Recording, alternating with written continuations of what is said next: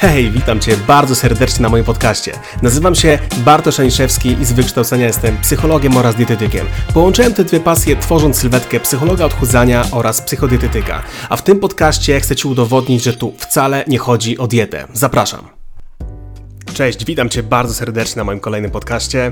Dzisiaj chciałbym z Tobą omówić bardzo poważny temat, jak zawsze zresztą. Natomiast chciałbym, żebyś zrozumiała, żebyś zrozumiał, że do tej pory bardzo prawdopodobne, że popełniałaś, popełniałeś błąd. Jaki to jest błąd?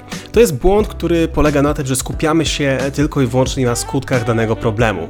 Czyli na przykład w momencie, kiedy zostałbym bankrutem, to błędem byłoby skupianie się tylko i wyłącznie na tym, że jestem bankrutem i, i tyle.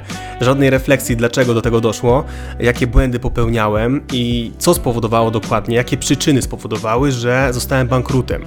Skupianie się tylko i wyłącznie na tym, żeby wyeliminować skutek, może być problemem. Dlaczego? Dlatego, że jeżeli będziesz tylko i wyłącznie notorycznie e, analizować to, w jakiej sytuacji jesteś, no może doprowadzić nawet do depresji. I teraz Analogicznie wygląda sytuacja w momencie, kiedy borykamy się z nadprogramowymi kilogramami, jeżeli skupiamy się tylko i wyłącznie, a większość osób tak robi i mogę to śmiało stwierdzić na podstawie moich konsultacji, które już trwają od kilku dobrych lat, że większość osób skupia się tylko i wyłącznie na tym, że są otyli i tyle. Jeżeli są otyli, to znaczy, że popełniają błędy na co dzień, po prostu jedzą na przykład za mało warzyw, yy, albo nie potrafią ze, sobie, ze sobą poradzić, nie potrafią wytrzymać na diecie, szukają szybszych rozwiązań i tyle. Żadnej głębszej refleksji dotyczącej tego, w jaki sposób doprowadzili do tego, że borykają się z otyłością. I teraz pozwól, że przedstawię Ci taką anegdotę dotyczącą tego, e, czy jeżeli twoi rodzice, twoi dziadkowie są otyli, no to ty jesteś również skazany, skazana na otyłość. I tak do tej pory bardzo często mówiono o tym, że jeżeli twoi rodzice faktycznie borykają się z nadprogramowymi kilogramami, no to już masz przechlapane po prostu i co byś nie robiła, co byś nie robił, no to bardzo możliwe, że nic z tego nie wyjdzie. Mało tego, nawet w internecie są opracowania, które pokazują, że nawet i 30% e, twojej otyłości to jest sprawa predyspozycji genetycznych. Ale teraz, gdybyśmy tak mieli się skupiać, znowu wracając na przykład do bankructwa czy do pieniędzy, jeżeli twoi rodzice są bogaci i tylko i wyłącznie zależy to od tego, czy ty osiągniesz w życiu sukces postaci większej ilości pieniędzy, e, jeżeli pochodzisz na przykład z biedniejszej rodziny, jeżeli twoi rodzice są biedniejsi, jeżeli twoi rodzice nie mają zbyt dużo pieniędzy, no to, to ty jesteś też skazany, skazana na e, posiadanie mniejszej ilości pieniędzy, no absolutnie. To z tego wynikają różne inne rzeczy. Oczywiście możemy tutaj wziąć pod lupę takie argumenty jak, jeżeli twoi rodzice nie zarabiają, nie zarabiali większych pieniędzy, to znaczy, że sugerowali się na przykład otoczeniem, albo może bali się zaryzykować, a może też nie wiedzieli w jaki sposób mogą zainwestować pieniądze, a może też po prostu woleli pracować na etacie za mniejszą ilość pieniędzy, natomiast czuć bezpieczeństwo. A może też po prostu nie znali się na tym, albo wychowani byli przez swoich rodziców w taki sposób, żeby się nie wychylać z szeregu. I tak naprawdę mnóstwo argumentów może przemawiać za tym, że po prostu taki styl wybrali. I teraz rodzice, którzy mają e, jakiś majątek, mogą też mieć majątek, ponieważ ich rodzice mieli majątek, ale mogą też mieć majątek, ponieważ sami się tego dorobili. I teraz, jeżeli mielibyśmy spojrzeć na sytuację później potomka, no to no z jednej strony, dobra, może mieć zaplecze finansowe w postaci zapomogi ze strony rodziców, może też pójść zupełnie inną drogą, wybrać zupełnie coś innego. Stwierdzić, że dla niego szczęściem nie są pieniądze, natomiast wolność. Może na przykład podróżować po całym świecie, pracując e, dwa miesiące tu, później dwa miesiące tam, na przykład, nie wiem, raz na zmywaku, raz przy e, wypożyczalni rowerów, później na kuchni i tak dalej, i tak dalej, ale czuć satysfakcję z tego, co robi, czuć wolność i to może być jego wartość. Z drugiej strony może być osoba, która pochodzi z biedniejszej rodziny, ale za cel stawia sobie mieć potężny majątek i tak naprawdę w ogóle nie bierze pod uwagę tego, z jakimi wartościami do tej pory była stawiana i w jaki sposób rodzice próbowali przekazywać e, kwestię dotyczącą zarabiania pieniędzy, bo on miał zupełnie inne zdanie na ten temat. I teraz, jeżeli bierzemy pod uwagę otyłość, to nie skupiamy się tylko i wyłącznie na tym, że mamy predyspozycje genetyczne, bo to faktycznie można zdołować, ale skupi skupiajmy się na tym, że w naszym domu po prostu były złe nawyki żywieniowe, czyli w naszym domu po prostu rodzice lubili jeść tłusto, lubili słodycze, nie było dnia, żeby nie było jakiegoś ciasta. Mama uwielbiała na przykład piec ciasta na, na weekendy, uwielbiała gotować golonki, uwielbiała po prostu wyrażać swoje emocje w postaci jedzenia. Nie potrafiła mówić kocham, tęsknię, ale potrafiła świetnie gotować i w ten sposób obrała sobie w cudzysłowie taktykę zwaną okazywaniem emocji. W ten sposób rozpieszczała nie tylko dziecko, dzieci, ale też i męża. I w momencie, kiedy skonfrontuje się z tym, że ty pochodzisz właśnie z, rodzi, z rodziny takiej, w której akcentowano jedzenie, w której uwielbiano jeść, no to, to też jesteś w domu, bo ty być może popełniasz różne schematy takie, jakie dotychczas były w Twoim domu.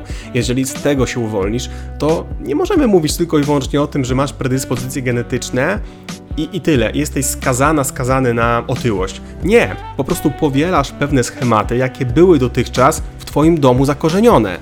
Jeżeli z tego się uwolnisz, również możesz mieć prawo do tego, żeby mieć taką sylwetkę, jaką sobie tylko i wymarzysz. I teraz kolejna sprawa to jest uświadomienie sobie właśnie nie skutku, jakim się znajdujesz, nie otyłości, no bo to już jest fakt, ale przyczyn, które spowodowały otyłość. I teraz, gdybyśmy znowu wzięli pod lupę restrykcyjną dietę, która mam nadzieję, że już wiesz o tym, że nic nie zmieni w Twoim życiu, no to zwróć uwagę na to, że no pozbywamy się z codziennego życia posiłków, które tak naprawdę lubimy jeść, które chcemy jeść, a skupiamy się na restrykcji, która do, doprowadza nas do tego, że w pewnym momencie nasza silna wola e, wybucha i ze zdwojoną siłą zaczynamy jeść rzeczy, które na chwilę mieliśmy przecież usunąć ze swojego życia. Gdybyśmy jedli raz w tygodniu na przykład rzecz zakazaną w cudzysłowie, czyli na przykład gdybyśmy jedli schabowego z ziemniakami surówką w niedzielę na obiad, bo taki mamy kaprys, bo taki jest rytuał w naszej rodzinie i tyle. Natomiast przez cały tydzień skupiamy się na tym, co jemy, nie musimy co do joty po prostu ważyć, mierzyć, skupiać się tylko i wyłącznie na jedzeniu warzyw, e, skupiać się na tym, żeby to było bio, eko, bez laktozy, bez glutenu. Po prostu jemy normalnie, ale identyfikujemy nasze emocje i związane z tym wybory. Jeżeli czujemy stres, nie sięgamy po słodycze, sięgamy po inne rozwiązania. Jeżeli żyjemy z przekonaniem, że my możemy sięgnąć po te ulubione wafelki, które znajdują się w domu, ale nie musimy tego robić, ale czujemy wolność wyboru. Wolność wyboru to zupełnie inaczej wygląda sytuacja. Ale inaczej będzie również wyglądać sytuacja, kiedy znowu od poniedziałku przechodzisz na dietę, ale na przykład w środę lub w czwartek coś w tobie pęka i masz już tego dość. I masz dość i zaczynasz jeść ze zdwojoną siłą i te wafelki i już jak zjadłaś czy zjadłeś wafelki, no to sięgasz może po lody, a może sobie zrobisz jeszcze kanapki. I tak nagle przez kilka dni jedząc 1400 czy 1500 kilokalorii, w czwartek wieczorem sięgasz po przekąski, bo nie przekąskę, która ma nagle 3,5 tysiąca kilokalorii. Więc zwróć uwagę na to, jakie są dokładnie przyczyny tego, że znajdujesz się w takiej sytuacji. Nie skutki, bo skutki to jest po prostu fakt.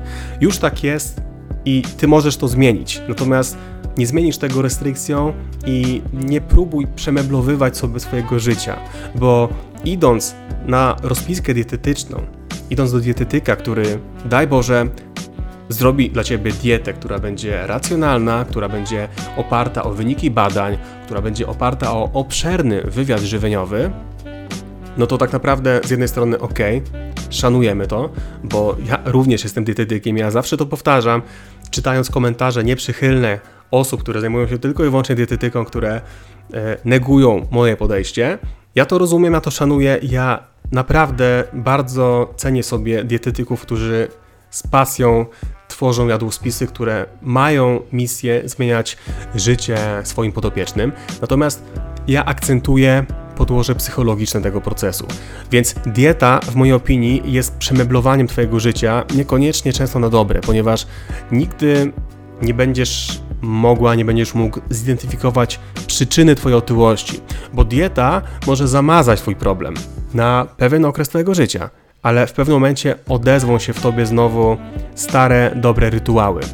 Odezwie się ta mentalność osoby, która potrafiła w taki sposób radzić sobie na przykład z trudnymi emocjami. Kiedy czuła stres, ona nie będzie jadła zgodnie z rozpiską dietetyczną. Ona sięgnie po coś, co jej daje na chwilę poczucie bezpieczeństwa, a tym poczuciem bezpieczeństwa, jak się domyślasz, mogą być na przykład chipsy albo ciastka. I z tą refleksją na dzisiaj Cię zostawiam. Chciałbym, żebyś zrozumiała, żebyś zrozumiał, że identyfikacja przyczyn, a nie skutku jest tutaj kluczem do sukcesu. Pozdrawiam Cię serdecznie. Hej!